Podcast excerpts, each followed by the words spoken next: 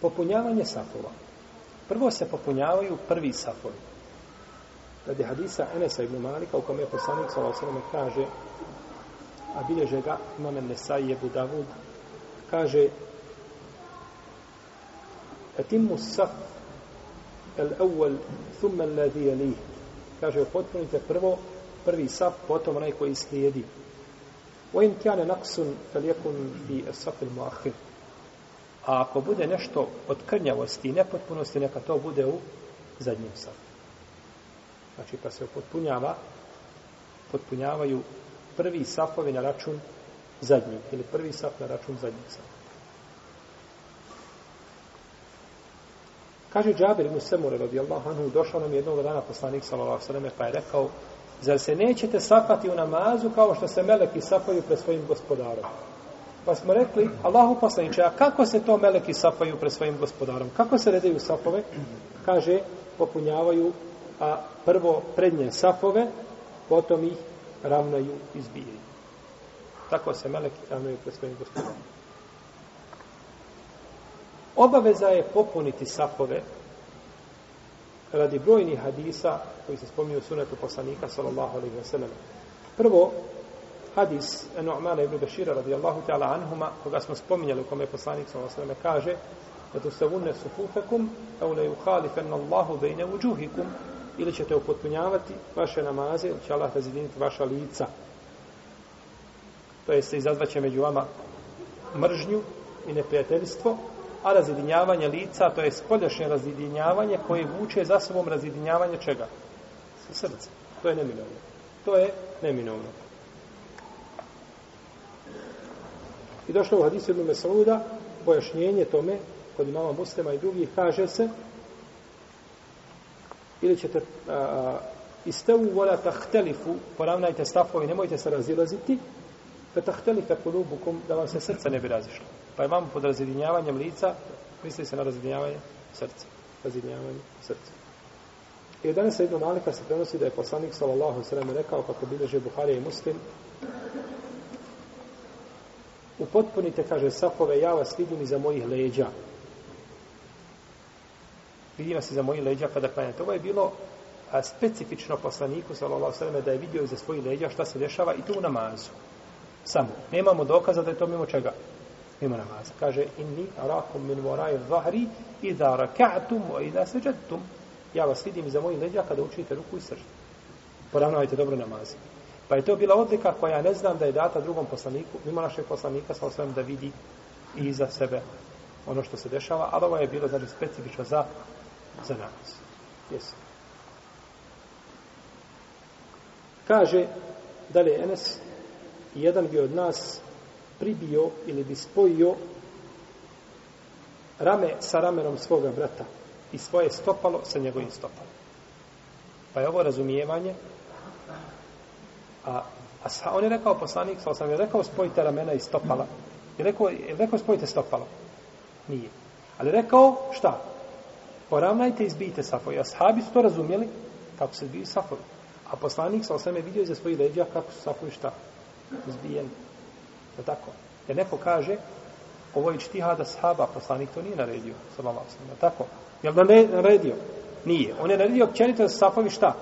zbiju, ali nije naredio da se spoji stopalo u stopalo. Međutim, ashabi su tako razumjeli i tako su ga praktikovali. Poslanik s.a.v. je vidio iza svojih leđa šta se radi i to im šta? Odobrio. Prešutao i to se smatra sunnetom. Iako neki učenjaci, poput šeha Bekra i Buzejda, rahimahullahu ta'ala, Fatajjebe Therahu, koji je preselio prije par mjeseci, jedan veliki učenjak današnjice, on je smatrao da ne misli se na ono pravo pribijanje, jer kaže to je teško. Jer su nekim predajam navodi i koljeno uz koljeno. Može li, mogu li dva klanjača spojiti koljeno uz koljeno? Ne mogu. Nemaju mogućnost da spoje u ome pravom smislu koljeno uz koljeno ne može. Stopalo uz stopalo može, članak uz članak možda može, ali koljeno uz koljeno ne može. Pa kaže, što je nemoguće da se uradi. No, međutim, treba uraditi ono što se može. Pa ako se ne spoje stopala do kraja, bar da budu prilično, znači, jedna do drugi, tako da su što manje prezine.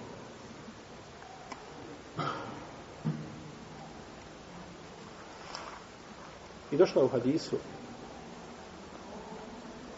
od Denesa ibn Malika da poslanik sa osrame kaže ponavnavajte safove izbijte ih Znači, nemojte praviti veliki razmak između sapova. I kaže, poravnajte vaše bratove u sapu. Znači, da nije niko istoran naprijed ili ovaj da kasni za sapom. Kaže, ja vidim šetana kako ulazi u praznine između sapova. I došlo u hadisu Ibn Omara, koga prenosi je Budavud sa dobrim lance prenosilaca da je poslanik Salao Sveme rekao upotpunite safove i poravnajte vaša ramena. Pod poravnavanjem vratova misli se šta? Poravnaj ramena. Dok ramena poravnaš, poravnaš si vrat. Kada vrat poravnao, ne bi ramena, opet ramena bio i šta? Opet se ona poravnala se, jel? Osudul halel i upotpunite praznine u safu. Walinu bejne ejdi ihvanikum. I kaže, budite nježni prema svojoj braći koji su sa Pogledajte, braći. Kako je šerijat samršen? Zbijte safove, ali budite nježni šta prema svoje braći. Ima ljudi u safu demonstriraju svoju silu. Allah mu dao malo snage i on kad uđe u safu, on je jezijetio trojicu sa desne i trojicu sa lijeve strane. Da ne govorimo kad ide na ruku i kaširi ruku i na sešti i tako dalje, ovaj, osjetiš sve da njegov mišić, je tako? Gdje su ti od riječi linu bejne ejdi hvanikum? Lin u arapskom je nešto blago, mekahne. Budite mekahne, budite blagi, budite nježni prema braću sam. Upotpunite saf, izbijte saf, ali Ako malo si zakasnio sa sežde, kada se dižeš, nemoj se dizati brzo, jer saf je zbijen. Nego se polako digni i vratiš se na svoje mjesto. Neš uzemljiti ni jednog, ni drugog, ako se već okasni. Ako oni idu zajedno sa imamom, ti nemoj, no međutim, kada se vraćaš, nemoj ezijetiti šta. Klanjače koji su u safu. Jer najveći mu sjebite da čovjek ezijeti čovjeka koji je u džami, a da ne govorimo o klanjaču. Koji sjedi u džami, a da ne kažemo koji klanjač. Pa je ova riječ u alinu bejne ejdi i hvanikum jako bitna i to često imami kažu kada poravnavaju safove u arapskom svijetu. Spomenu ovaj dio hadisa. Spomenu ovaj dio hadisa. Pa imamo ovdje dvije oprešnosti. Imamo čovjeka kome kad uđeš u saf i dok malo ostidemo je tijesno, on odmah iziđe iz safa. To je greška. Safovi trebaju da se zbijeni. Ti se malo strpi. A imamo drugu skupinu koja uđe Znači, i, i na silu hoće ući u saf i kad uđe onda ezijeti druge, ni to nije ispravno. Pa je Allahova vjera sredina između dvije krajnosti. I nemojte, kaže, ostavljati praznine za šeitan. Nemojte ostavljati praznine za šeitan. Ko spoji saf, Allah spojio nagradu prema njemu. Ako prekine saf, Allah prekinuo nagradu prema njemu. Tako je poslanik sa Allah sveme dobio. I kaže u hadisu koga prenosi Enes ibn Malik radijallahu anhu, koga bliže Buhari i Muslim i drugi, poravna je, eh, kaže, eh, sevu sufufekum, fe ine tesvijeti saf, fe ine tesvijete safi, min i kameti sala, ofi rivaje, min, min tamami sala. Kaže, poravnavajte, ili poravnajte safove, jer poravnavanje safova je sastavni dio uspostavljanja namaza sastavni dio čega? Namaza. A u drugoj predaji od potpunosti namaza. In tamam sala, da bude namaz tamam, da bude dobar, potpun, a, znači, upotpunjava ga, jeli, ispravno safanje ili redanje u safove. Pa tako da je imam dužan i on je odgovoran prvenstveno za poravnavanje safova. I naredit će to klanjačima iza sebe. I neće početi saf dok se safovi ne poravnaju. Pa imami ne trebaju da gledaju na džemat. Da li to nekome odgovara što ćeš ti zakasniti 20 sekunda što poravnaš safo ili pola minuta ne odgovara.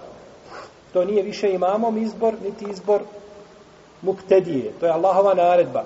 Naredba njegovog poslanika, sa osrema, on ne govori po svojim prohtjevima. Pa ti si dužan da poravnaš safove i da poravnaš i da si od početka ravnao i da naučiš ljude da nećeš da počneš sa neće da počneš namaz dok ne poravnaš safove svi bi šta ravnali safove jer neće početi sa namazom dok safove ne budu poravnani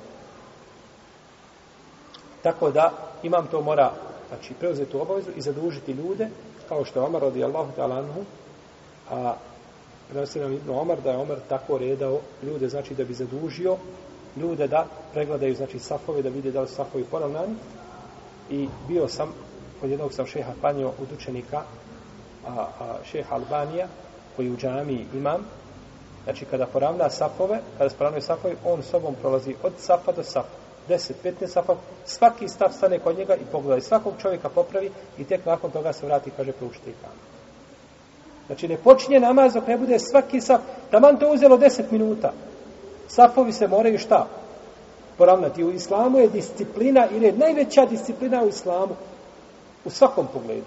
Paz, ne smiješ kasniti sa imamom puno, ne smiješ predsati imamom. Ne smiješ, znači ima disciplina, ima red. Kad ulaziš tačno kako se redaš, kako se safaš, kako izlazimo iz džamije, prvo izlaze žene, potom izlaze muškarci. U safu se nećeš gužvati, nećeš uh, uznemirati svoje braće muslimane.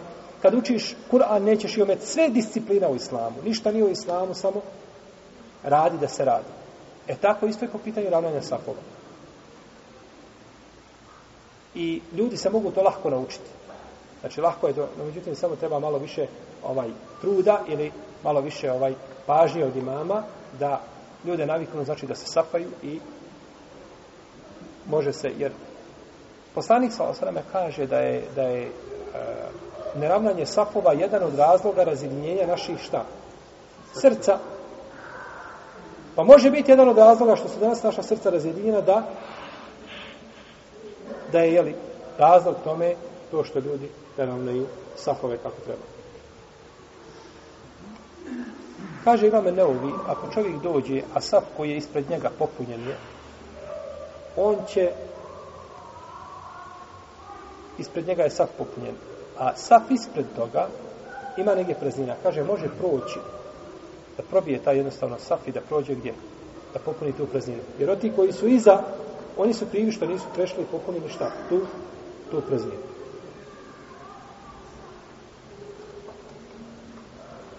Mekruh je da se ljudi safaju između stobova.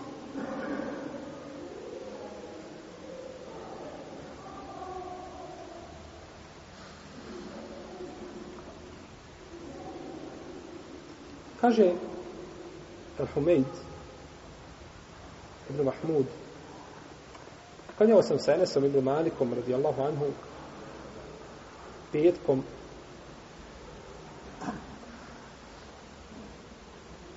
pa smo klanjali između safova pa je poslanik sallallahu alaihi sallam rekao kaže mi smo to izbjegavali u vrijeme poslanika sallallahu alaihi sallam čuvali smo se dobro toga da ne klanjamo šta između, između stubova I ovu predaju bilježi imam Ebu Dawud i Nesai i ona je ispravna inša Allah prava.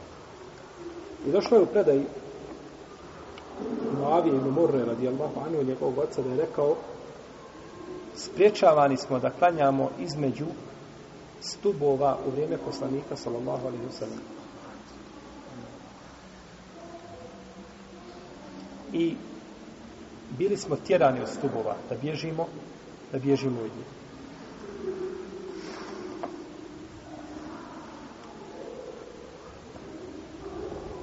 To je jednostavno iz razloga što a, namaz ili saf između stubova kvari, kvari a, saf, prekida ga znači sa oba dvije strane. A saf treba da je šta? Upotpunjen od jedne do, do, druge, do druge strane. A međutim, ako je saf mali, pa može stati između dva stuba, tada pa neće smetati znači to što je sav šta prekinut s jedne ili s druge strane. Znači da je samo između stubova da je, da je pokrenut.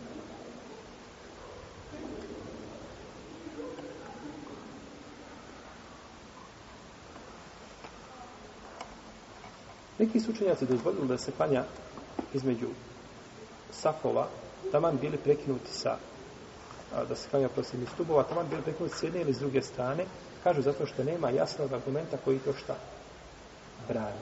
Nema jasnog argumenta koji to brani. I to je stav Ibn Sirina i Malika i drugih učenjaka. No, međutim, nema sumnje da hadis Enesa ibn Malika da je jasan, da je jasan, znači po tome, po tome pitanje. Što se tiče namaza imama između stubova i namaza klanjača pojedinačni između stubova, to nije mekru. Znači, taman bili stubovi širi ili dalje, to ne smeta, znači, imam može klanjati između toga, jer je došlo u hadisu Ibn Omara, kaže, ušao je poslanik sa osvajom u kuću sa Usamom, Ibn Zajdom i Osmanom, i Talhom, i Bilalom, pa sam, kaže, bio prvi koji je ušao nakon toga za njima, pa sam pitao gdje je poslanik sa osvajom klanjao, kazao je se klanjao između dva stuba. To znači da klanjači pojedinačno klanjaju iz dva stuba, to neće, to neće smetiti.